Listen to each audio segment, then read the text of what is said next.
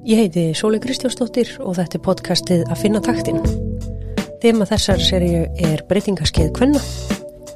Þessi þáttur er tekin upp í Nóa Sirius stúdiói podcast stöðvarnar. Við höldum áfram að tala um uppáhaldsumræðefni allra Kvenna og ég vil karla líka breytingaskeiðið. Woohoo!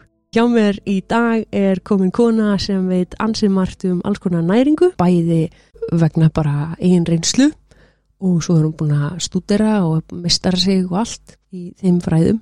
Ég er mjög spennt að heyra hvernig konur og við sem erum komnar á þetta aldrei sem er færtugt pluss getum nýtt okkur uh, þá þekkingu sem að beta er með. Beta, má ég bjóða þér að kynna þið? Já, og takk fyrir að bjóða mig til því. Velkomin. Uh, kynna mig, já. Ég er kona, móðir, dóttir, frænka, veist, ég, er, ég segi alltaf bara ég er alls konar.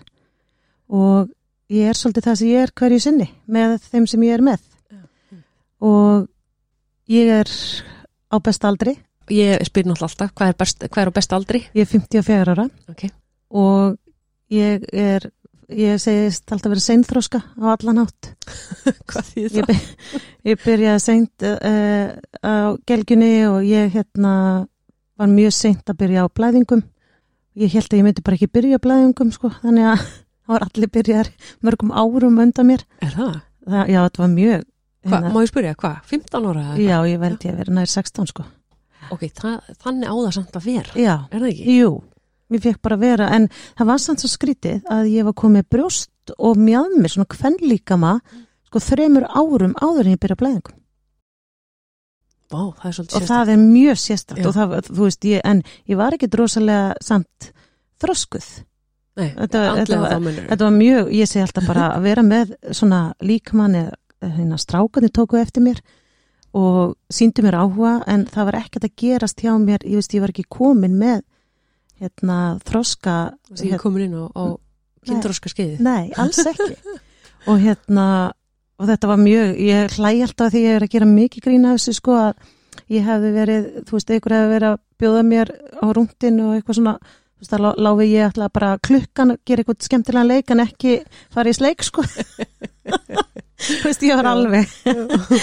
En hérna en og það að samaskapi er ég að fara seint á breytingaskeiði Mm. sem kannski er líka eðlilegt. Að því nú erum við verðum við sem betur fyrr og vonandi hérna eldri en við hérna kannski ömmur okkar. Mm ég veit ekki, ömmur mínar eru þau 100 ára þannig ég, ég veit ekki hvað ég verð. -hmm. en hérna en það, ég var með vinkonum minn daginn sem er ekki orðin færtugt og við, við fórum að bera okkur saman og við erum á sama stað. Og það er 15 ára á millokkar Einmitt, vá, samt undirstrykar svo ótrúlega mikið hvað við erum fjölbreytt. Já, Þó svo við séum allar konur, uh, þá erum við bara svo ólíkar. Það er ekki eitt, eitt, bara svona, það er ekki alls ekki eitthvað einstær fyrir allar. nei. Og við vorum einmitt að segja, þannig hún var upp á færtu samanleit, ég er eldri. Já. Það vorum að segja bara og við, hún sagði, við erum veginn bara á sama stað þannig hún sagði, akkur erum við ekki bara frekar akkur erum við alltaf aldurstengja okkur Mm -hmm. við erum bara einhvern veginn að þú veist, mér, þetta er svolítið á Íslandi Er það? Meiri Ég- heldur já. annars staðar? Ég hugsa um þetta líka, okkur eru við, okkur eru við einu- rosalega aldurstengd á Íslandi Já, líka samt bara starðatengt. Það er eitthvað ræðilegt að vera í XL, já, en ég minna það er bara til að flýta fyrir og þurfur ekki að máta öll hinfutin, þú Já. bara gengi beint að stærðin sem þú veist að passar á þig. já, Þetta er alveg absúrt að hugsa þetta svona, sko. já En ok, byrju, við erum að kynna, þú ert að Já, kynna þig. ég er að kynna þig Já, og ég, ég starfa sem næringafræðingur og ég vinn hjá heilsuvend En- Ég er líka framlega vítamínlínu Já, og kollagen, þannig að ég er að gera alls konar já, og svo ertu nú alltaf með alveg rússalega flott námskeið. Já, svo bara er ég með námskeið á sem að ég er á, með á vefnum reyndar hittust við, Mm -hmm. tvisvar og í byrjun og enda Já, þannig að og ég vinn við þetta sem ég finnst náttúrulega skemmtilegast og ég man eftir því ég var lítil stelp á vopnanverði að þá átti ég með draum að verða næringafræðingur. Er það? Og ég bara man að amma mín var rosalega hérna, flink í eldúsinu og mikill pælari og las mikið um alls konar. Hún, ég man eftir hún las sko dönsk blöð Já, og þarna voru bara upplýsingarna miklu sko fljótar að koma með dönskubliðunum heldur en einhvern veginn bárust til okkar frá ráðlegðum uh, ráleikingum landlagnis Mm -hmm. sem var þá hérna, mannildistofnun og svo líðhelsstofnun og svo embati landlagnis uh, já og ég einhvern veginn átti minna draum en hérna hann varði ekki að veruleika fyrir bara um færtugt Hvað hva fær litla stelpu til þess að, að láta sér dreyma um að vera næringafræðingur? Er það bara fyrirmynd, eh, er það amman sem er fyrirmynd? Já, það er bara, nei, ég var með svo gríðarlegan áhuga á mat og matagerð og, og bara, þú veist, bara matur var bara eitthvað svona fyrir mér sem að, þú veist, það var bara líf mitt. Ég, veist, ég var alltaf að gera eitthvað tilrauninu í eldhúsinu í mömmu. Ég var ekkit endilega alltaf spáð bara þetta verður að vera holdt eða, ég, ég var ekkit endilega þar, en ég hafði svo mikið áhuga samt á matagerð. Þannig að þegar ég er 16 ára, þá byrja ég að fara í nám í kokkinu Mm. en samt fann ég það eftir þann vetur það var ekki það sem ég ætlaði. Ok, þetta var á, ég fór í heimistaskóla og ég fór á matvælateknibraut en ég fann einhvern veginn þetta var ekki það sem ég var að sækist eftir. Mér vantaði eitthvað annað og ég áttaði mig ekkert á hvað það var. Mhm. Fyrir en svo ég bara lendi lífinu og veikist alvarlega þegar ég bara rétti við þrítugt og missi heilsuna algjörlega bara um þrítugt. bara um þrítugt, ég er eignast dóttir mína og ég fæst þess að sjálfsóðnami Mhm. sem að ég átta mig svo á í dag að- lífstílinn spilar inn í. Ég var undir gríli streitu, ég var ekki að passa mig með mataræði. Ég uh, var að, hérna, með fyrirtæki, ég vann mikið Mhm. Og ég sérst hrein og fæ taugasjúkdóm sem heitir Guillain-Barré syndrom. Þannig ég endaði á Grensás, þar sem ég lá bara lömuð. Nei, wow. Er, er þetta það sem fellur undir sjálfsónumis? Já. Já, ok. og bara talið að ég fengi kvefvírus og ég ráðist á kerfið mitt svona harkalega og þetta leit nú ekki vel út um tíma Mm og getur ímyndaður þegar maður tapar heilsunni e, svona að liggja bara spítalna nærið í heilt ár. Með öllu þá var ég heilt ár því ég fór svo á Reykjavílundi þrjá manni -hmm. eftir e, ykkur tíma heim og ég fann ég náði ekki heilsu. Að þá bara eftir þrjú ára ég fann að ég var bara sjúklingur, ég var heima, ég hafði enga orku. Og ég sagði bara það er eitthvað sem að ég verð að gera, ég verð að gera eitthvað. Og ég kemst að því að það er verið að kenna næringa þerapistan í Danmörku Mhm. og maður getur farið svona lótu tengt í námið Já, og ég veit ekki hvað var til en ég einhvern veginn drými í það nám með ekki miklu orku með tvö börn uh, fyrir maðurinn minn á sjó og ekki mikil aðstof ekki, mikil, eh, ekki margir ættingjar í Reykjavík en ég leti þetta ganga að ég hugsaði bara ég verð að finna líf mitt, ég verð að finna mig einmitt. Og við bara fengið kraftin. Mhm. Þannig ég kláraði þetta á þremur árum sem að, það tók. Fann haminginu mínu svolítið að, að fá að flakka hann út í Danmörku einu sinni mánu og vera stundum yfir helgi eða viku. Mhm. Uh, sinna mér, uh, læra inn á mig Mhm. og átta mig á því að það er ekki bara næringi sem við þurfum að taka í gegn, heldur líka andlega liðin. Einmitt. Þannig ég fór svolítið að byrja þar á minni andlegu vinnu og svo þegar ég er búin í þessu þá hafði ég reyndar haft vit á því að stökkva inn í ármúla og taka samhliða næringaterapíunni klára stúdisprófið Mhm. Sem ég átti eftir að klára og taka auka greinar í efnafræði og, og raungrinum. Mhm. Það var svona eins og ég var að undirbúa mig fyrir bara svo bara stekkin í háskólan.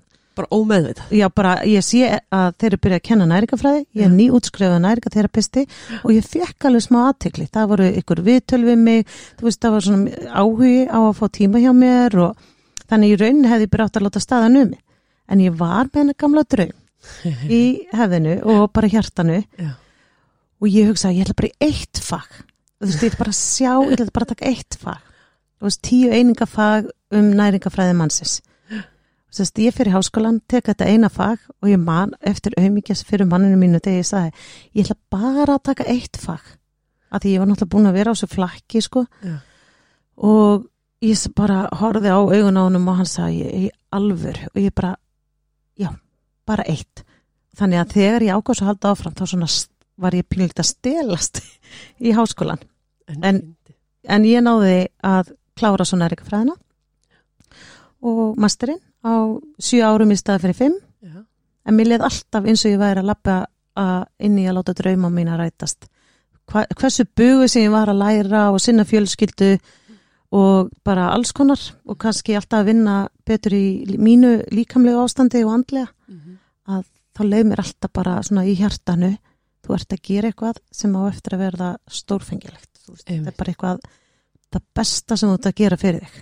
Vá, góð tilfinning. Svo, og stundu þegar mér langaði bara að guppa yfir bækurnar á álægi þá, og ég vaknaði stundu fimm á mótnana því ég hafði ekki orka á kvöldin að lesa eða læra eða og vaknaði klukka fimm og reynda að, að hérna, vera búin að læra að ég færi í skólan eða klára skýslur eða þá, þá var það alltaf með pínu tilhjögun Vá, það eru algjör forrítið Já. að fá að finna bara, þú veist, og elda einhvern veginn hjarta sitt og finna hvar hjarta mann slær, sko. og ég segi það skiptir alltaf öllu máli hvað sem þú gerir í lífinu Já.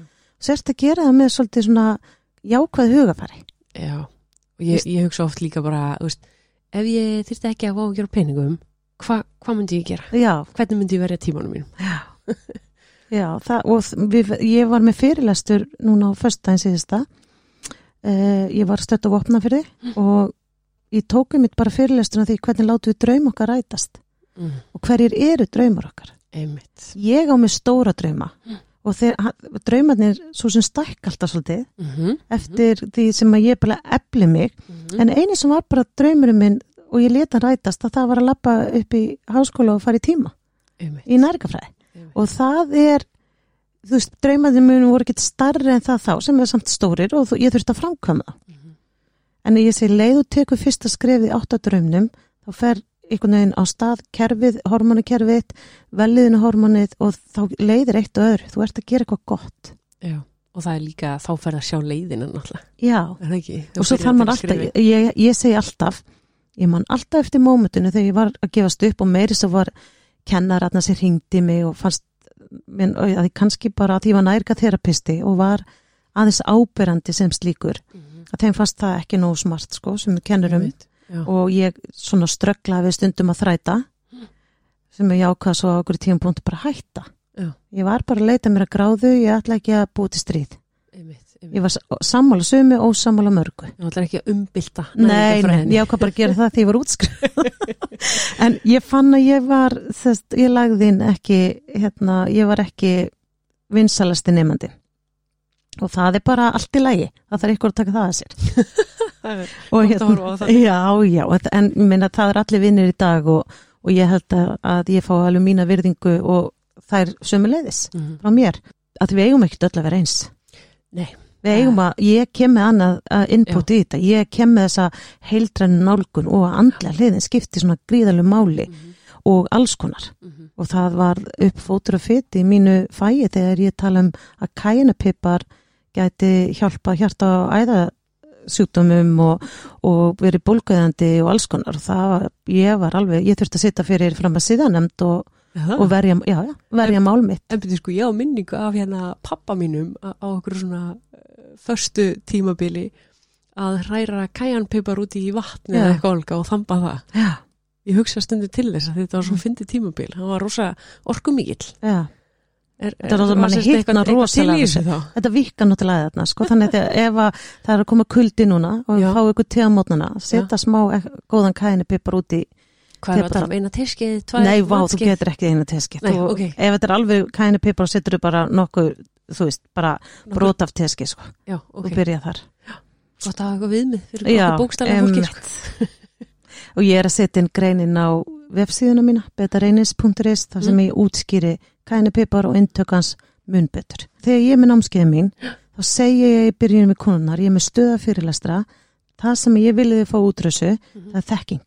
Mhm, leið og þegar við þekkingu mhm, þá getur verið með hérna, ábyrð fyrir eigin líkama mhm. þið getur verið hérna, gaggrinar þegar að gefa ykkur lif eða þegar eitthvað bjátar á þá getur þið svolítið hlustað á ykkar eigin líkama Einmitt. hvað ætla það er sem hann er að segja mig núna hvað er í gangi Já. alveg svo þetta þegar konur er að halda sér með vefigikt en það eru á breytingaskeiðinu eða Einmitt. hvað er að, hverju sinni Einmitt. Já, já, veist, einmitt. Líka þegar við föttum að við erum kannski bara sorgmættar og þá fyrir allt annað á hliðina Já. Ég uppliði það núna í september, þar sem ég tel mér nú vera bara mjög góðum stað í lífinu að dótti mín flyttu sérst til Spánar og það er svona ímislegt gerst í sumar sem að, að svona, ég segi skrá, eh, ég setti skrám setti skrámur á mig en ekki kannski sár Mhm. en jú, jú, ég var með sár, ég var með skurð og eitthvað, en, en hérna þá fatta ég það að mér leið ekki vel, eða þú veist, þegar ég átta með því, mér leið ekki vel í september Mhm.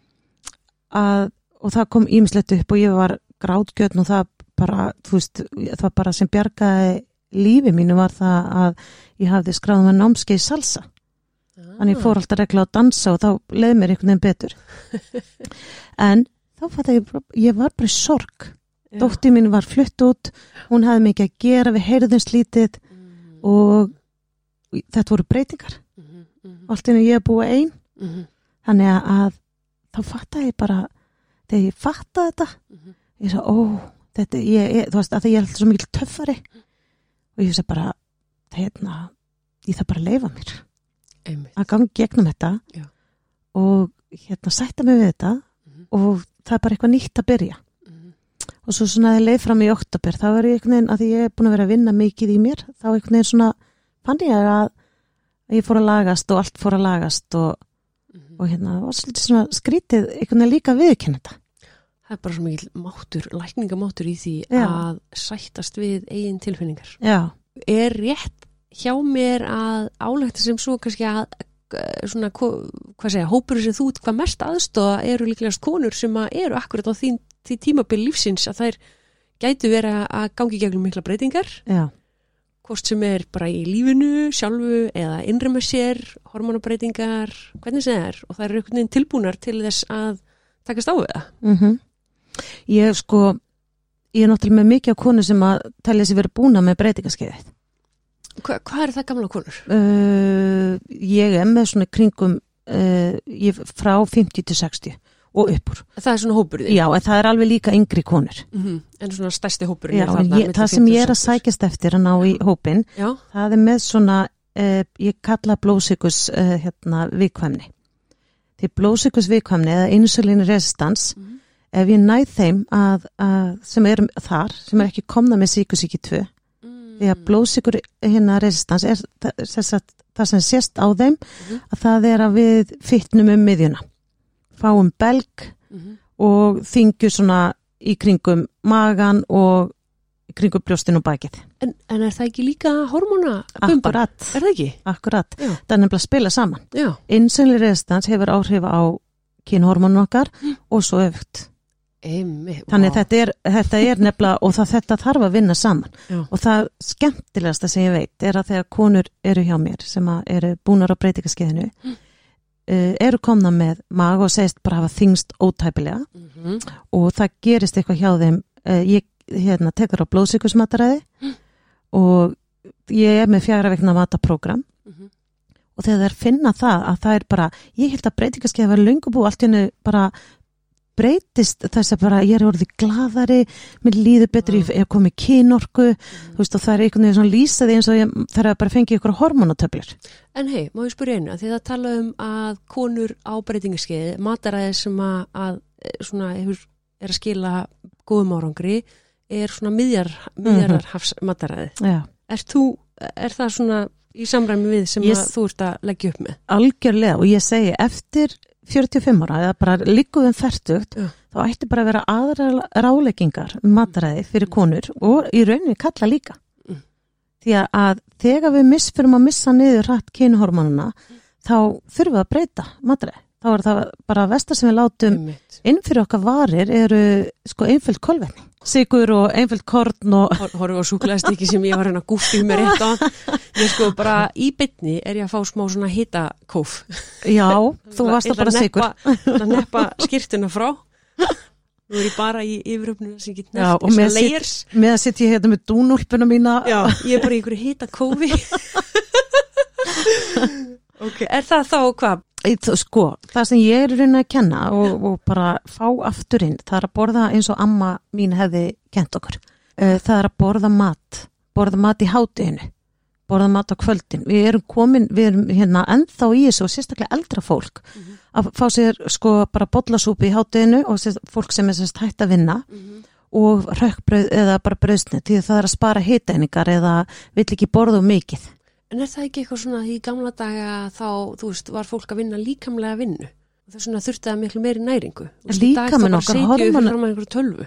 það er ekki málið, en við getum minka skamtana Ah. og það það sem ég er að fara í með konu, ég sagði, málið það að þetta, þetta er akkurat alltaf spurningin. Ymmi, en ég vinn einmitt, en líka með þarf áfram prótin og fytuna, ok, þannig en það erum þarf að- það í minni skömmtum, Já, þannig að ég bara þið fáðu ykkur hátægismat sem er matur já, og ég er með uppskriftra bara mat og það, þetta er ótrúlega gaman að finna aha-mómenti hjá þeim breytingarnar og þeir bara fatta líka vá, við vorum kannski bara líka halva æfin að borða og stóra skamta Nei, ég minna skamtarnir í dag eru náttúrulega fáránlegir. Þeir eru svo stórir. Já, þetta er náttúrulega komið til að upp sko. var, sko. líka mann okkar hefur ekkert breyst þannig séð sko Nei, og ef eitthvað, þá náttúrulega erum við að nýta minni orku. Í dag heldur við vorum að gera, sko. Já, Þannig að við erum komin, já, þetta er, maður þarf kannski bara einmitt að taka svolítið skurk í mataræðin hjá sér og, Já, líka kannski og það er þetta að fá þessa þekkingu hvað þarf ég til að láta mig liða betur hvað get ég gert til að hjálpa líkamannum að fara yfir þessa breytingar Já. og ég segi alltaf, við erum alltaf á okkur breytingarskeið veist, það kemur nýtt skeið og það er veist, ég veit að við erum að fókusa svolítið núna á breytingarskeiðið en það sem að skiptir að breytingarskeiðið þegar kynhormonun okkar þetta niður mm og það er líka, við getum hjálpað við getum Já. hjálpað með næringu við getum hjálpað með mataræðinu Mhm. við getum hjálpað með ákveðin bætefnum já, og við getum hjálpa líka með andluðu hliðina. Guð mig góður, já, Já, ég glema henni. Hún bara, hún ég, má seg, ekki sitja á ég hakann, segi sko. það sko ef ég hérna, benda á sjálfa mig nota mig sem dæmi Mhm. að ég skildi 2016 og 2017 hrein ég andlega og ég man eftir ég lappaði eh, bara strax eh, í áspyrjun 2017 sem, með mína mentun í útskrifið. Þá fór ég fyrst til heiminslegnis og ætlaði að ræða hormóna við hann að því ég vissi bara að ég var að fara inn í eitthvað mjög skrítið tímpil, ég, ég fann að ég var að hrinja Og að ræða þá hormóna að sinn breytingaskeið. Nei. Nei, ég var, ég var bara ekkert almennt, já, ég ætlaði að varna því að í andluðu sjokki að ég færa breytingaskeið Ah, já, þannig að ok. ég fer sess að uh, og fæ, ég segi bara við hann heyrðu, ég ætla að fá sveptöflur og ég fekk sveptöflur og kvíðastillandi Mm. og ég bara mat það að þetta var það sem ég þurfti Mhm. og ég var á mjög vondu stað síðan fer ég til kvennsjútumalæknis og ég fer í rauninu bara á pilluna Mm. til að stilla bara hormónu rétt. Ok, og á þessu öllu uh, var ég heilt ár. Þangað ok, til- þannig að þetta hjálpaði þér. Já, þannig að eftir það þá þegar ég, náði að vera búin að jafna mig þá tek ég mig af þessu öllu svona hægt og rólega. Mhm. og þá fann ég bara að ég seldi svona réttin. Já, veist, allt var eðlilegt. Þú varst bara að hlúa að sjálf ég var bara að bjarga að ég færi ekki í sjokkinu Mhm. á bara hratt breytingaskeið og allt færi á hliðina. Einmitt. En Þannig- hvaðan varstu með þá vittneskju ég var bara verið? einhvern veginn, ég grúskaði rosalega mikið, ég var alltaf að lesa eitthvað. Svo núna kannski fekk náttúrulega áfallega streitu þá er ég alveg bara, hvað varði ég að lesa sem var til þess að ég geri þetta?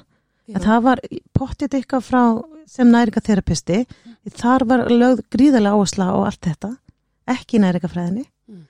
og líka þetta að ég fyrir svo að bjarga mér með að vinna í mér andlega sko, og ég á mikið af yngri vinkunum það er bara hérna, og mjög krútlegt sko, að þegar þær segja hérna beta, en þegar við eldust hérna missum við þá kynlöngununa Mm. og ég segi, ert að meina að því þær eru byrjir á breytingaskeiðinu Mm. ert að meina þegar hérna, breytingaskeiði búið hvort þú missir þá bara hættir að hafa áhuga Mhm. ég bara nei, það er ekki þannig Einmitt. en þú þarfst að sinna þér og við þurfum að hjálpa líkamannum uh, að ég segi alltaf það er ekki sjúkdómur að eldast Mm en við þurfum að hjálpa honum Já, það líka breytast bara þarfirnar okkar. Já, og ef við missum kynlöngun Mhm. því þetta er svo sannlega líka ungt fólk Mhm. sem er uh, í þeim sporum Mhm. og hérna ef við missum kynlöngun þá þurfum við bara að skoða þá er eitthvað ójafað í líkamann Já, og, jafnvel hvað þurfum við? þurfum við eitthvað- hormonameðferð Já, eða er nóg að taka bara á lífstilnum mataræði, reyfingu eh, eins og við erum búin að nefna hérna andlegu vinnuna Mhm. hvað er það sem við þurfum að gera Mhm. til að bæta hérna, líkamannum það upp sem honum vantar Já, og ég meina kynlíf er náttúrulega í, e, þú veist, ég ætla að segja bara svona heiðalegasta kynlífið er náttúrulega mesta berskjöldunin já, veist, það að geta hleyið í kynlífi og gert grína sjálfum sér og haft gaman oh veist god, að- það er best það er best Já. sko, en þú getur það ekki nema þú sért bara sátt í eigin skinni Ég veit. 100% skilur og treystir manneskinu sem er á mótið er 100% Já.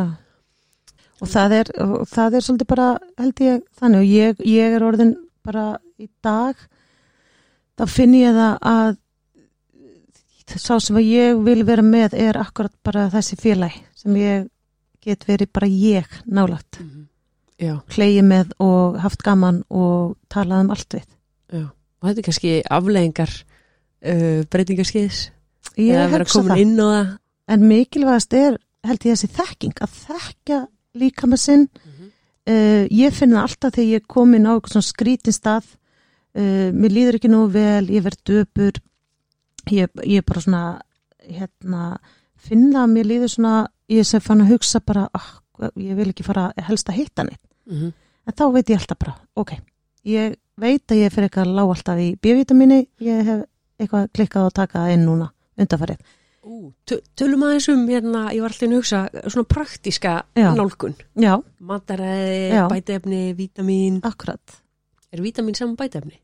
Já, það er eiginlega. Það er Við erum að bæta einhverju við, ég nota allan Já. þannig. Já, ok, Tö, Það sem er rétt eða rangt. getur við hans talað um þetta eins og fyrir konur sem að Mm er að tappa inn og er bara, ok, er- núna setjum ég á móti næringafræðing og ég er að sigla inn í breytingaskeið, ég er jafnlega á því hvað, hvað er svona gott fyrir mig að huga varðandi að bara bygg, byggja upp minn og, og hvað næringa já, bara hvað, hvað mataræði vil ég vera svona með fyrir mig Komdu með. Akkurat, akkurat, ég bara, viðst að ég var nefnilega að hlusta á, á þættin eina núna þegar ég var í fríi og þú sagðir í einhverjum þættinu sem skiptir ekki máli í hvaða að, að þú værir búin að þingjast um magasvæðið. Er það ekki rétt? Ég múst að tala um að, er bumbu bu- að bumbana fari yfir, yfir hérna. Já, sko, já, yfir buksnastreikin Já, Það er ekkit hræðilegt að ég hugsaði strax, þetta er svona uh, þarna getur uh, insulinrestans eða svona blóðsykus viðnám verið að stríða þér og á móti uh,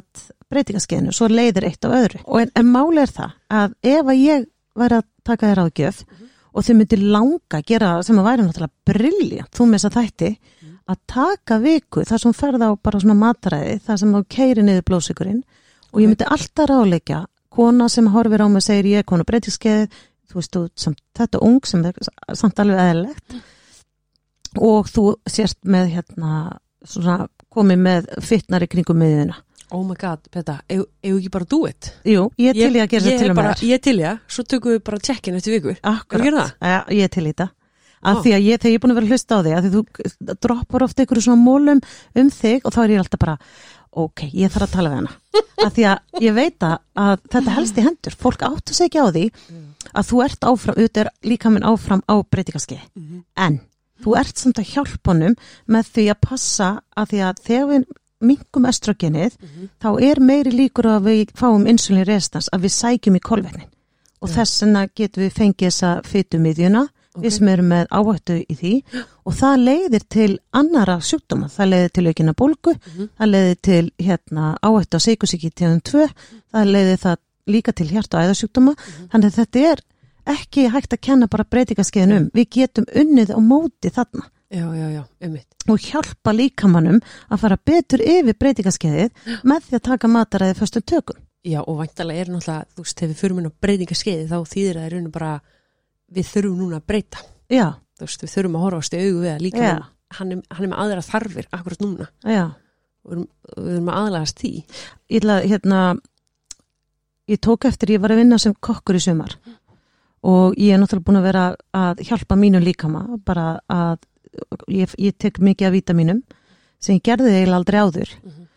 Og bara einhvern veginn, þá áttaði ég mikið á því fyrir ég fór í svona hefi vinnin í eldúsi og ég tók eftir yngra fólk sem vann með mér, var stundum að horfa á mig ég hljópi upp á nötröppur og ég var að beigja mig niður og ég klifur upp á stólana og ég eitthvað og það- þú veist, það horfðist náma sem bara betur þetta grínast, hvað, hvaðan ferði þessu orku?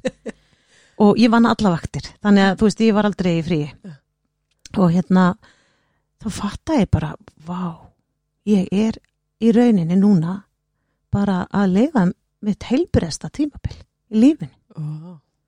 er og bara magnað. ekki með verki þú veist, fulla orku líður ofsalega vel Mhm. og svo náttúrulega bara hérna geta beitt mig og ég hef alveg verið þannig ég þurfti að standa upp á stólu og anda mig aðeins inn í næsta skref sko Einmitt. þannig það er hægt að vinna á móti þessu og það er hægt að gera margt sem að hjálpar En það er náttúrulega svolítið líkill eins og þú komst inn, sagðir hans áðan, hérna, auðvitað þurfum að vilja þessar breytingar. já, Annars uh, fyrir við mótþró já, og við þurfum einhvern veginn að vera tilbúin til þess. já, Vistu, ég horfi á, ég, ég bara full disclosure, ég borða rosa mikið nammi. Okkur um einasta degi borðaði ég eitthvað nammi, ég er algjör nammi grís. En ég er alveg tilbúin til þess að taka tilraun. Já að því að, er öll í tilraunum, veist að það því þú ert líka miðla uh, svo mörgum um breytingaskeiði og svo fróliði þættir að ég held að sé svo gaman að segja, heyrðu, já, vá að því ég efast ekki um það að þetta virkar Mhm. en enn og aftur, við erum ekki að tala um það að þú farir ekki á breytingaskeiðið en við erum að tala um það að þú ert með ákveðna hjálp Já, við erum kannski líka eins og líka ekki bólgur, ekki eins og þú sagðir að þú væri með Já. því að mataræði getur til dæmis minka bólgunar Já, þannig að þér líður betur. Já, allavega verðist að hafa virkað fyrir mig og margar konur sem ég er með á námskeiði. Og ég bara, og ég er alltaf alveg bara þegar þær, ég fá svona aha momentin bara, ert að grínast beta? Þú veist, ein alltaf með svitakó, hún segi, ég held að væri búin að breytingskeið, ég ennþá með svitakó Mhm. en þá var það tengt insulín hennar en ekki breytingaskeiðinni. Þannig að við verðum að vita þá hvaðan er, er verkefni ok, tökum hérna góðan lífstil og þá getum við tekið það út úr jöfnunni og þá veitum við eftir situr hormonakerfið að láta vita af sér. Já. þarf ég þá aðstóð hormonaengjafar eða er ég að komast í gegnum þetta með bætiefnum og lífstil Já, ég reyndar verið að segja, ég veit, ég veit alveg að mataræði það sунvirkar. Þegar að hérna, konu mín var ólétt, við húsist nýjum hana dóttir og þegar hún var ólétt þá hérna, þurftur hún passa sigurinn já, sérstaklega, þannig að við borðum alveg súperholt mataræði já, á meðgöngun hennar og við verðum báðar bara, við höfum bara hvora litið betur út bara sem við vorum úlingar sko. og þá, þá var ekki þetta nammi þannig að kannski núna er líka svolítið nammi sukka því að við erum að vaka og, og þá Já. er maður bara illa fyrir kallaðir og allt þetta, þetta er tímabil. Já. en ég er rosalega til í að prófa því það er oft flókja átt að sjá úst, hvaða hérna, næringu á ég að velja mér. Úst, hvernig þau setja saman matið minn? Akkurat uh, þú veist, ef ég fæ ekki uh, hérna, það sem ég vun að borða. Veist, hvað, ég, hvað ég þá að gera? Er- og ég held að mörgum fallast hendur Mhm. að því að það er svo margt sem við vitum við um ekki gera. Svo er þetta svona haltu leiði blindan því að þú ert að bara súkulega það hefur áhrif á bólgur og það hefur áhrif á hormonakerfið mm -hmm. e, síðan er það að það nærir blóðsykurinn og Mhm. blóðsykurinn er bara eins og lítill heraðinsjúklingu sem vil fá hérna elsniti sitt. Þannig að sko þetta verður svona keðiverkandi bara vandamál. Mm -hmm. og svo heldur við bara áfram að því blóðsykurinn byrja bara mótnana að segja hei, ég vil fá hérna, Skammtinn minn. já, skamti minn. Og það getur verið alls konar, getur vel verið að fara yfir hotlistuna og þá er það bara, samt getur að verið þú veist að fólk fáið sér hafragrut og þá er hann áfram að næra blóðsykurinn sem er kannski alveg hotlur en ekki ert komin í þessa klemmu. Nei og þá er, er það ekki að bæta inn prótinu Jú, en þú veist að þú þarf kannski að svissa, ég segi sko kolvetnin eru að við eigum ekki að vera á kolvetnins lausufatt mataræði en við eigum kannski að hugsa sko ekki byrja daginn á að, æsi blóðsykurinn, ekki vek, vekjum ekki blóðsykurinn á mótnana En hvað væri svona ideal morgumatur þá? um, bara svona það sem er dettur í hug fljóti að sitja hérna, það er bara ekki að kaka eitthvað sem er prótin og fita ekki, mér langar ekki, mér langar ekki að elda mér eitthvað í morgumat hvað færður á mótana? Ef ég fæ mér morgumat þá fæ ég mér banana eða uh, kannski samloku sólkjarnabrauð með Já. smjöruosti og svo drekki kaffi. Já, ekki voru ofin berða sko. Þetta er bara basic sko, já flestum. Ég myndi nú kannski að horfa Sko ég segi ef ég borða morgumat Já. annars borða ég bara hátegismat það er oft fyrsta máltíð mín. Ég veit maður á ekki að gera það en En við skulum opinbera það svolítið hvernig við breytum þessu með því að, því að ég þarf aðeins að, að synga inn í stíliðin, Mhm. lífstíliðin og svo bara tökum við viku og gerust tilraun gerum tilraun. ok, þið bara fylgist með Og hérna, já, já, það- minna þetta, ég held að sé alltaf áhugavert að, að hérna sjá hvað við getum gert sjálfar Já. ef við tökum bara ábyrð á líf okkar. já, og þetta er líka það ef við finnum að við erum orðið grömpi og okkur líður illa og við erum búin að missa kynkvötu eða það er eitthvað, Mhm. gerum það eitthvað í því það er líka minn er að segja, hei, þetta er ekkert eðlilegt ástand. Já, við eigum að vera virka, við eigum að vera við erum kynverur og við eigum að einhvern veginn líka Við líða vel. Já, eigum, og fyrir utan það, við eigum bara að hafa orku til að, veist, vera hamingisamar og kátari við daginn. Já, ég meina, ég, ég mani til hérna á mínum, hann, hann var 83 ára þegar hann lést uh, bara fram á síðasta degi, þá bara hjólaði hann, lappaði, fór í sund, veist, skustu bakrafjallið og það er einhvern veginn fyrirmyndin mín, sko. það er ekki sjúkdómur það er ekki, er sjúkdómur, það er svo gott að orða þannig, og muna eftir, það Já. er ekkert sem segir að þá verðum við bara orkulös. Já, en við erum búin að vera með raung skilabóð. Mhm. Við erum búin að vera með raung skilabóð, við erum með gríðalegt hérna, áskriftar livjum hérna á Íslandi. Mhm. Þannig að þegar eitthvað er að, þá Mhm. verðstu við bara að fá lifið í Mhm. og í, það er svolítið það sem ég líka reyna að spórna á móti. Mhm. að hérna, að til liv er ekkert endilega alltaf að hjálpa, þau geta kostað hvert og eitt einasta liv kostar helsun eitthvað annað Já, og það er líka bara svolítið gott að eiga það inn og rosa fínt að vera búin að tjekka á öllu öðru sem þú hefur Já, vald yfir já. áður en þú grípur í lifið, þannig að það virki bara reynilega fyrir þig eins og það á að gera.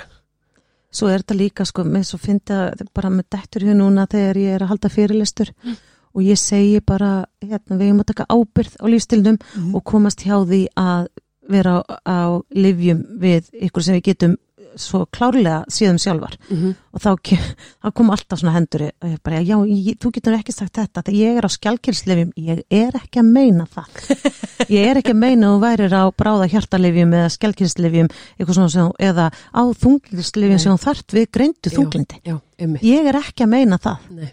Ég er að meina eins og magasýrulækandi lif kólistórulækandi lif eitthvað sem við getum unnið á sjálfar. Já, hei, það er eins og hérna marga konur, annars breytist meltingin Já. þegar við erum inn á breytingaskeiði. Þannig að margar konur þóla illa til dæmis kjöt já, og sérstaklega raukt kjöt og þá er tryggsið að fá sér í mitt eitthvað svona magasýrstöflur eftir í staðin fyrir að hætta að bora kjötið. já. Já, þú fórst náttúrulega alveg núna í hérna viðkvæmnina hjá næringafræðing Er það? ég magasýru töflur eru ekki málið Nei, Það- þú veist, ég er bara að horfa á þetta, Já, skilur. Þetta það er það að fram mig. taka, taka meltingarensím. Veistu hvað gerist með aldrinu? Og þetta skiptir líka gríðulega máli upp á breytingaskeiði. Komdu með það. Við, förum í, á, þú, eins og þú veist, að við förum líka, það eikst streytust í okkar þegar estrogenni mingar. Já. Kortisoli hækkar Já. og þar að leiðandi getur kvíðu annað aukist. Mhm, Þannig að við erum að vinna þess með það líka. mhm. Þegar við fáum kvíðan, þá bitnar það á magasýrunum. Það bitnar á meltingakerfinu þannig. Þannig að mægin hættir að framlega eins mikið enzimu. Þannig að- oft þegar konur lenda á breytingaskeiðinu, þá hættar að tóla kjött. Já. Það sem við þurfum Já. er að hjálpa maganum að hafa rétt sírusti með að taka bara epletik og nota jafnvel meltingarenzim með þungum altum. En ég meina, eru við ekki bara að breyta samsetningu máltíðan okkar? Nei, þarna þurfum við, við þurfum að hjálpa sírustinu, vistu út af hverju? Að því að sírustíið, það sendir skilabóð upp til heila. Sendin settuhormón, sendin svengdarhormón og þegar rámt sírustig, þá fyrir allt í klassu, það er bara alltaf raung En ef, ef ranga sírustíði kemur af því að við erum að neyta einhvern ákveðin mat, er þá ekki líka verið að senda skilabóð, hei, við ráðum kannski ekki alveg við það, af því að eins og til dæmis miðjarhafs náttúrulega mataræðið, það er fiskur, það er ekki raukt kjött, Mm. það er kjúklingur, meir grammiti og ágstir og svona rótagrammiti líka, uh, Já. sem ég myndi halda þá væri eh, í rauninni kannski það sem að þarf í staðin fyrir að einmitt fyrir að bæta ofan eitthvað, annað til þess að geta þólað eitthvað. Já, þú veist, fólk er ekki að þóla hérna kjúkling frekar en raut kjött, það er bara þólir illa þungan mat. Það sem að ég er að meina, ég, ég skil hvað þú ert að segja. Já, ég er bara, ég hugsa bara, veist, ég er engin sérfræðingur, alls Nei. ekki, ég er bara svona að reyna að átta mig á lókíkina. Lógi, máli er það, ég ætla bara að útskýrta aðeins betur. Já. Þegar við lendum í kvíða eða þegar við eldumst og við sem að, að hérna, förum á breytingaskeiði sem að basically allir, við konur ákveðin tíma, þetta gerist líka nákvæmlega eins og kattmennu, þegar með sanniðu testosterón. Já, það er bara hríðfellur ekki. Já, Konum það nei, bara, einmitt, pum, já. og pumpar það sko. En vistu að ég er samt að taka eftir breytingum núna á ungu kallmennum að þeir eru lágir í testosterón. Þannig að tímanin eru bara svolítið að breytast, Ok, því miður. ok, en höldum okkur Já. við hérna konurnar. Þegar hérna meldingin, eða þú veist, ma hérna magasýrurnar, Mm með aldrinum þá minka magasýrurnar. -hmm. Það er alveg sama hvað við gerum með mataræðið. Jú. þetta er bara líkanlega virkni alveg svo kannski hormónunir það er bara, það lækka maðursýrna með aldrinum. Mhm. þegar það lækka þá fáum við líka oft svona brjósviða við fáum hérna og það sem er alvarlegast í þessu þegar maðursýrna lækka það er að við tökum ítla upp steinefni og þegar við fyrir að taka ítla upp kalk til dæmis þá bytna þá beinunum. Á móti breytingaskeiðinu þá er þetta bara mjög já, Þannig að sko ég hvet alltaf uh, konur til að fara að melda betur og upptaka næringarefnina verði betri að taka epletik til að stilla maðursýrnar og við fáum rétt skilabóð til heila og við fáum rétt að setja og söngdar tilfinningu. Við séum svöng þegar við eigum að vera svöng og við erum satta þegar við eigum að vera sattar. Við séum ekki að vakna á mótnana til dæmis með bara bumbult af því að það vantar maðursýru til að hérna byrja bara að, að, að okkur langi í matinn og ég getur brotið hann rétt niður. en getum við ekki gert þetta bara með því að, að breyta samsetninguna á matnum okkar Ekki nú að gera eins og ítalir að þú ert að setja, fá þér salat í forrétt með etiki.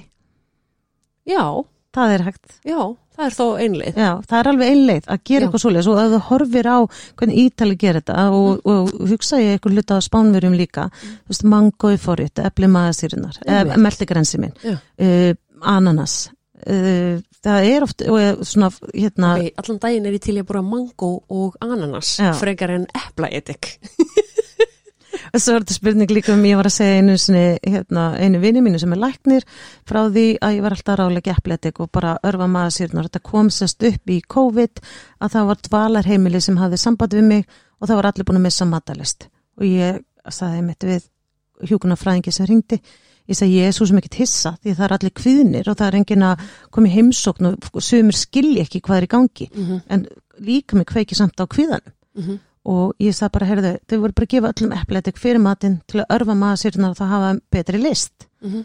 og hérna þá sagði þessi læknir við mig, hann sagði, nú er ég að byrja því ég var út í Þískalandi í námi þá var einn læknir sem alltaf ráleikja sérri fyrir matinn, þá það að gera það sama en hérna þannig við getum fengið okkur sérri en bara þú, þú, þú, þú segir bara nærikafræðingur sagði mér að drekka sérri hérna fyrir kvöldmatinn. Uh, nei, ekkert endilega. Það verður svo slipur í slóp en, en máli er það að þegar við erum að taka magasýru lækandi lif eins og ég sagði áðan lif kosta. Mhm. uh, magasýru lækandi lif uh, stela frá okkur B12 vitamin það stela frá okkur steinefnum og allt þetta getur svo haft áhrif á útkomuna hvernig okkur líður í því ferli eins og til dæmis breytingaskeiðinu. Mhm. þannig að þetta skiptir miklu máli uh, hvaða, hvernig virka meldingin okkar Mhm. á bara hvaða skeiði sem er en alveg sérstaklega á breytingaskeiðinu. Já, ég heyrði uh, viðtal við þig þar sem við varum um að tala um þetta með eplaðikið og þá var einn að tala um uh, dóttur sinni ef ég mann rétt Já, sem var, fekst ekki til þess að drekka eplaðikið en það er algjör viðbjöður en það eru til töflur. Það er til töflur. Þannig að ég er svona hjó eftir því ok, Já. þá er maður kannski ég freka til í töflunar heldur Já. en þú veist, ég á, ég á fulla flösku af eplaðik heimi á mér. En ég minna einn teski glasa vatni Nei, það er svo vond, sko, þetta er svo ógæðslegt en veistu hvað það segir mér? Hvað það segir? mér bara ef þið finnst epletik ógeðislega vond og það er með að kingja Ég það þá er sírustiðt bara í fokki í fokki, að þeir eru bara svo mikið nammi. Og að því að einn sagði við mig sko hún sagði fyrstu glösin epletik voru viðbjöður svo, svo, svo allt inni fór þetta að vera gott. Þá bara, þá segir þá getur bara að fara að kvíla þá ertu búin að stilla einhvern veginn sírustiðt Er það? mm. Æ, ok, ok, ég en kaupi það alveg. byrjaðu bara á að setja nokkra dropu þarf ekki að setja heila teskið. Mm. bara títraði þig að kalla títraði efnafræðin sko og bara þangur þú komin í teskið og þólið það og, og, og svona þangur þú þólir orðið heyrðu, þetta, er- þetta verður tilraunin okkar. heyrðu, eitt uh, bætaefna línaðin, Já, segðu okkur eins frá því já, ég sagt er að þróa nýja lína vítaminum að því að, að hérna, ég er mjög viðkvæm fyrir vítaminum. Eftir að ég veiktist þá komst ég að því að ég var að taka vítaminu, ég tæki ekki upp vítaminin upp í blóðið. Ok, Þannig að ég verðist bara, þetta var bara eins og ég sagði eftir viðtalum dýrt piss. já, ég hjó, ég sá þetta líka stærst, dýrt piss, ég var svona að hugsa ok, ég er alveg til í Já, og það getur alveg verið þannig, við erum taka, við erum alltaf að láta selja okkur eitthvað og tökum og tökum og ég segi alltaf verið líka gaggrinn á það sem ég segi. Og þegar ég er að tala um vítaminu mín og það er eitthvað að hlusta þá segi ég bara, þið verður að taka upplýsta ákvörðin hvað þið hérna viljið prófa þetta. Já. ég ætla ekki að selja ykkur hugmyndina en ég veit að ég er með góð vítamin það er líposómal þýðir að þau eru fytuhúðuð þannig að þau eru ekki að fara í, í þau fara í gegnum meldinguna og beint í frumuna. Fruman er með fytu hérna utanum sig og þannig að vítamínin bindast frumuhimnunni og fara þannig inn í frumuna. Þannig virknin á vítamínunum er margföld með að við vítamintöflur og livrin þarf ekki að hreinsa vítamínu mín. Einmitt. Og hvað er þetta að láta framleiða í Þískalandi. Ég er bara með er- uh, þetta var bara þróunavinna sem ég á með uh, hérna, þýskum vísindamönnum. Og þetta er til um heiminn, líposómal, þetta er mjög vikvæm vítamin og ég hef verið að gera þetta í tvö ár og ég hef einhvern veginn ákveð að halda dampi, ekki vilja marka setja mig mikið, heldur bara hérna, prófa þetta og finna hvort þetta virki, ég hef fulla trú á þessu. Svo núna einhvern veginn eftir tvö ár þá finn ég bara hvað það gerir fyrir mig og Mm. aðra. Þannig nú er ég bara að fara bara á fullu að markasetja og selja og við erum að fara að selja til Danmörk og Og er þið komið leifið, búið að testa þetta Já, og allt þetta? já, já, já. já, já, og suma rannsóknir á sömu vítaminunum og eins og kurkumíni sem er náttúrulega mjög gott vítamin uh, ég bæti efni eins og fyrir breytingaskeiðið Hva, hvað er það, kurkumin? það er unnið úr turmerik rótinni Mm. og það var til dæmis rannsakað á Indlandi að þegar að, að þeir komist að því á Indlandi var minna heilabiluðu fólki heldur en annars þar Ú, það er estrókinið. Já, en þeir komist að því að, að kurkumíni var að hjálpa Já, Þannig er að þegar ég var að lesa um breytingaskeiðið þá eru ymmit sumir og segja náttúrulega að þar frekar er rannsóknir það. Mhm. en kurkumínu mitt, þess að bara hreint kurkumín, ekki turmurik þannig að, og það er fytuhúðað sem er meiri líkur á upptöku það bæði hjálpar heilanum og er bólgu eðandi, þannig að þetta vinnur og er andoksunöfni. En, en geti þá borðað bara turmerik, þú geti sett það í mati minn Já, og er ég að fara að fá sömu, hérna, er ekki? sko líposóma hérna kurkumín er margfalt á við þú þurftir að borða alveg Ég finnst það bara mjög mikið mjög turmeric mikið, að- auðvitað getur við líka byrjað þar. Já, því ég hugsa einhvern veginn, hvernig getum við haft þetta bara allt í mataræðin okkar? Já, svo er bara svo misjant uh, hvar, hvernig er ymmit, hvernig brýtur um matinn, hvernig er upptakan? Mhm, hvernig líður þér? Mhm, þannig að stundu segi er gott að hjálpa líkamannum mhm. en það er ekki þar með satt og þurfu alltaf að vera bætefni Nei, einmitt. og stundu þegar konur eru að koma að kaupa hjá mér eða fá ráleikingu, hjá mér þá segi ég bara, hefur þú prófað svo að sleppa þessu Mhm, aðtöku hvernig líður og þegar koma aftur og segja, ok, þá varst þú ekki tilbúin að sleppa Já, prófa, þetta er eins með epletiki, taktu epletiki en kvilduði líka. Já, ég tek kollagen, að mér finnst það bara hjálpa mér og fyrir þetta það, það ég tek það núna því að upp á að varna því að fá beineyðingu síður um æfina Mhm. eitt þriðja beinunum er kollagen. Já, og við þurfum kollagen í efnaskipti beinuna og ég tel að ég sé bara í fyrirbyggjandi aðgjörum og fyrir þetta það ég hérna, þú ég sé næringafræðingur þá borða ég ekki morgumat þannig þú þarft ekki að skammast þig Nei, mikið ég bara pínu sko, einhver staðar á leiðinni þá heyrði ég, einhver, einhver tíman, þá pikkaði ég upp eitthvað að Kellogg's hefði búið til morgumati Já, það er þannig. Og, og þá fór ég í mótróa, greinilega, bara svona ómeð með þetta mótróa og ég borða það bara þeim er hendar. Já, og morgumatur er ekki það sem að læti mig tikka, nema Nei. ég sé bara í brönns eða eitthvað, þú Já. veist um helgar já og ég get alveg verið ok án morgumatar fram að hádegi maður gleymi stundum að, að þessar ráleikingar er oft líka bara pólitísk ákvörðin. Já, ég er nefnilega einmitt og fer svona í mótróa og þá vill ég bara testa á sjálf mig sko. en svo heyr maður hjá uh, þú veist, ég heyri aftur og aftur bara og verður að gefa líkamuninum bensín, veist, og þetta er svona eins og keirum á tóm tanki og þú ert að gera þetta er sko næstu að ránkóla augun og sér sko Ég er náttúrulega, sko, ég segi bara, hérna, hvernig virkar líka með þinn? Og alveg svo þú tala um hvað gott þau erum ólíkar. Hvernig ert þú? Ó, Ég elska þá nálgur, þannig þegar Bara- konur komið til þín, ertu þá byrjar þá bara þar Já, segðu mig, og ég byrði ofta, segðu mig frá því þú varst lítil. Segðu mig frá því hvernig þú virkaði sem bara bann. Já, áður en að Og, búa og að stundu, þig til já, og stundu kemur þetta. Ég brólst upp og var að hafa mikið sömu kátt og þú veist, borðaði eðalega, var bara eðalega líka, eða þú veist, hérna í leikvimi og íþróttum alls konar. En svo þegar kemur uh, ég átti erfið æsku uh, þú veist, ólst uppi alkoholisma ólst uppi áföll þá er bara þá líka með komin í rángfæsli bara strax mm. þannig þá þurfum við að líka byrja ég sagði til að við getum haldið áfram e, þá verðum við að skoða áfallasöguna. mm -hmm, mm -hmm. Því áfallasagan getur ekki fyllt okkur og ég verð með hérna einhverja briljant ráð um mataræði og þegar alltaf frumuminnið er alltaf að íta á hérna ondtakkan með alls konar. Já, Hérna, þarna kemur inn and, andlið Já. bústurinn. að vinna með það líka þannig að þú, veist, þú vinnur ekki með mér þá hveti fólk að taka á sínu mál. Já, og það er eins og náttúrulega eh, besta sem ég hef heist um þú veist, undirbúið sig fyrir breytingarskeiði er bara svolítið að reynsa til, Já, ákveða veist, hvað ætlar að taka með þér inn í næsta skeiði lífsins veist, hvað er bara eitthvað sem þú veist bara burðast með og, og bara ef eitthvað íþingir þér bara, já. veist, losið allt út reynsi það til. Ég held að þetta sé bara svolítið eins og að endurfæðast sko. Já, já, bara allt einu er bara eitthvað hérna, eitthvað svo nýtt og stórkoslegt að gerast. og það er hægt að stíga þannig inn í það, Já. sko. Svo er bara lífi lífi, við höfum bara líka að leifa lífin að gerast Já, og það er bara, ég veit bara við höfum þetta moment, við, ég og þú eigum bara hérna frábært þú veist, ég veit ekki hvað gerist til að lappa út, nei. get ekki ákveða þá hvað gerist eftir 30 ár eða eitt ár, en ég get ekki ákveðin dag að ég bara núna er ég að fara eftir að fá mér góðan hátægismat, þetta veit, ég get ekki þá ákveðin og Já, svo bara get ég ákveða sem að er að deginum, ég er í leikunsfötunum og ég ætla að reyna að fara í rektina og þú veist, ég ætla að vera í frí í dag, ég er að klára eitthvað blaðavittal sem ég á að vera í, mhm, þú veist, ég, ég get tekið þessa ákvörun en ég veit ekki hvað gerist á morgun eða hinn eða hinn. Mhm, og þetta er líka og ég er líka reyna, ég þarf líka að segja þetta upp átt fyrir sjálfa mig. Mhm, og ég fer alveg stundur líka þegar ég er ein heima og þú veist, sumi hluti gangi ekki alveg upp eins og bara sumt við ástalífi gengur ekki upp. Og ég þarf líka alveg bara að hugsa uff, hvernig, þú veist, ég tek kvíðan og allt í henni, wow, akkur finn ég svona að ég verð einmana og þú veist, get alveg grátið við því en Mhm. svo er það bara en ég hef allt annað, ég hef gott líf og ég hef núna þetta moment mhm, mhm.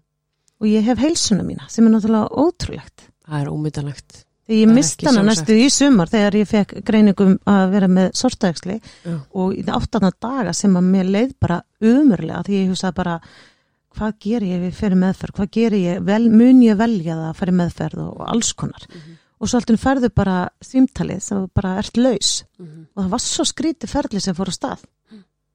Og það var bara það var léttir, það var áfallið það var einhvern veginn að afgreða hvað vil ég gera. Þú veist og mér finnst þetta svolítið skrítið að því fólk segir Guð bara, þú veist, ert ekki bara planað auðvitaðsverður, ert ekki bara að gera ég bara, haldið maður að fara bara tegjustökk í gleðina þó að maður sé komið með já, nei, þú ert ekki þetta verður ekkert meira. Já. og þetta er eins þegar ég vektist á sínu tíma. Þegar fólk sagði alltaf við mig en hérna, ert ekki bara ótrúlega hafmyggju sem að fengi að lifa? Já, það er svona þegar fólk vil hérna, tóga mann beint yfir í uh, hvað maður getur verið þakkláttu fyrir. já, Ég meina, við höfum allavega ekki eins slæmt og dillilillit. Það er svona, mm, nei, ég er ekki komin þangað. Og nei þetta er mitt líf, þetta er bara mína Já. tilfinningar. Ég er bara að fá að fara í gegnum það. og það er ótrúlega fyndið eh, eins og í dag ég er mjög bara svona hreinskilin tala við vini mína og ég, ég segi bara stundum þú veist, ég að til bara geta grátið, ég grét ekki mörg mörg ár yfir öll þess tíman af veikindunum mínu og það sem gekk á eftir þau Mhm. Og bara herti ég mig Mhm. stundi bönnunum mínu og var bara töffari og svo bara í dag leifi ég mér að gráta og leifi mér að vera viðkvæm og það er stundum erfitt sko fyrir suma ég segi bara ég finna bara ég er svo berskjöldu eitthvað gagvart þess að ég er bara ég Mhm. og, og mér finnst það bara pínu gott Já, er það ekki bara það sem að gefur þið kraftin. Jú, og svo Ekki? er þetta bara ég er bara þessi stað alveg og þú sagðir áðan og fyrir að fá svitakóf hérna veist, svona erum við bara, við erum bara í ykkur svona, við erum bara í ykkur vitt og ykkur, hérna, og ykkur leið og svo gerist bara alls konar, Já, ég það- kannski græt og þú, þú far svitakóf Já, nei, ég meina það verður í raun ekki sko vesen fyrir að við viljum að sé einhvern veginn öðru sig. Já, er þá sem þetta verður óþægilegt, Já. pirrandi. já, Ég ákvað bara, fyrst ég er að gera svo þættum breytingarskeiður og tala um þá og bara nýlega þá er ég byrjað að finna fyrir þessu svitakof. Mm Uh, ég reynda að fundið örgulega fyrir því fyrir einhverjum árum síðan en ég spáði ekkert neitt í því þá. Og núna bara upp í vinnu, bara um daginn, bara inn í matsal, þú veist, á fullu borðið með, með samstagsfélagum mínu, þá er ég alveg, oh, vá, ég er að fá svona svitakof og þá var hann að horta á mig bara, ég bara, já, þetta er breytingarskeiðsenginni, sko, það er það sem þetta er, þið vitið það, ha, á sem fullt öðrum líka, og svo fór ég bara úr skýrtinu og það bara horta á mig bara, þú ert svo ung, ég bara, ég veit það, mann heldur það nefnilega, En það er svo sérstætt einmitt, þarna einmitt byrjum við líka aftur að tala um aldurinn. Þú veist, það, það er allt, við erum alltaf bara miða við. Já, ég hlustaði líka einhvern þátt þegar þú sagðir að einhverja var til læknis og var ekki hlustað á hana því hún var 40 eitthvað. Já, já. Og svo einmitt sagði vinkonu mín mér eh, sem er nú um 50 í dag, hún fór að, var, held ég fór að breytingaskeið var búin á því fyrir færtut Einmitt. Já, og bara eins og ég er hún á því yfir færtut. já. Nei, yfir færtut, jú, Yfir ég er 50. yfir færtut. yfir 50. En eins og ég segi, ég gleymi, þú veist, ég spái aldrei Nei. í aldrinu og því ég er að tala eins og því ég var að tala við vinkunum minn daginn og þá voru bara, já, við erum að samastað með þetta og ég bara, heyrðu býtu, hvað er þetta eftir gömul bara, það voru, já, vá, það er 15 ára millakor og við erum að samastað eila Já, en sko, ég hugsa oft, mist, mist gott að vita hvað fólk er gamalt að því að mér langar að vita svona, með hvað reynslu getur verið að koma, skilur og hérna, og ég, ég er náttúrulega frekar ungleg, þannig að fólk trúir í aldrei þessi 44 ára, Já, það heldur frekar í þessi mjög klár ungmanniska, en ég, ég er það ekki sérstaklega, ég er bara, ég er bara búin að lifa svona lengi, já, þannig ég er bara bara, oft, bugu það reynslu ég er bara hókina reynslu. Já, meinti það, hókina reynslu og, og ekki buguð Já, En heyrðu, hérna, við erum svona komin að lokum, Já. ótrúlega gaman að tala við þig og ég með eina spurningu í lokin. já, eitthvað svona eitt sem að þú værir uh, til í að koma áleiðis til hvenna sem er að sigla inn í breytingaskeiðs tímabilinu, tímabilið. já. Hvað væri eitthvað svona eitt sem að þú myndi kannski vilja að þær myndi vita? Það, ég, má það vera meir en eitt Já, það má vera margt, ég bara orðaði það þannig, sko. Sko, bara byrjum strax á, á því að átt okkur því að mataræð skiptir máli Mhm, matur er bóðefni, mhm, alveg eins og, takin hormona er bóðefni mhm. Þannig að það skiptir gríðarlega máli að við, við skulum byrja á einu bætiefni sem er mjög mikilvægt í þessu öllu og það er D-vitamin. Já. Og þú veist, ef við erum ekki að taka D-vitamin því D-vitamin hjálpar hormonakerfin og D-vitamin vinnur eiginlega eins og hormón. Mm. Þannig byrjum þar. Mhm. Byrjum á að skoða hvernig er samsetning á fæðin okkar. Erum við að borða mikið á unnum kolvetnum? Erum við að borða mikið súkulaði? Erum við að, já, horfi á þig ásakandi? Nei, alls ekki. Bara, þú veist, hvað getum við gert til að hjálpa okkur yfir e, þennan öldusjó sem við erum að fara í gegnum. Þannig að hugsum um lífstílinn, hugsum um andlegu hliðina, hver er þá hjálpin, á hverju þurfum við að vinna, horfum við stjögu við okkur sjálf og reynum að hlusta líkamann. Ef hann er að segja okkur eitthvað, hann er alltaf, hann er bara að reyna að tala við okkur eiginlega allan daginn. Veist, hann er bara stundum að segja, hei, Gjalla, er, þú ert bara í góðu núna, þú bara að gleði hormonum og þú sást eitthvað strákan og fórst að horfa á hann og það var allt í góðu hjá þér. Þú veist, við erum bara að reyna svolítið að líka að vera með húmor fyrir okkur sjálfin. Já. Af því að, sko, eins og þú, saði bara með fulla mat að þú verið að- í svitakói og bara, þú veist, þetta er líka bara ákveðin, bara berskjöldun á sjálfa sig en samt fyndið. En samt er þetta alvarleikin, skilur við. Mhm. Og svo finnst mér líka á það sem að skiptir gríðarlega máli líka, það er að, að stunda líka strækt. Einmitt, reyfa sig með ykkur mæti. Hreyfa sig, lifta lóðum, þau eru komnar yfir 40 eða 40, við skulum fara í 45. Mhm. Þá þurfum við að hald, viðhalda vöðanum. Einmitt. og við þurfum bara að vera á tánum því að það er ekki sjúkdómur að eldast en við getum farið ítl út í en við getum farið vel út í ef við erum í meðvitund Einmitt. Frábært, látið það vera lók orðin. Takk. Takk fyrir mig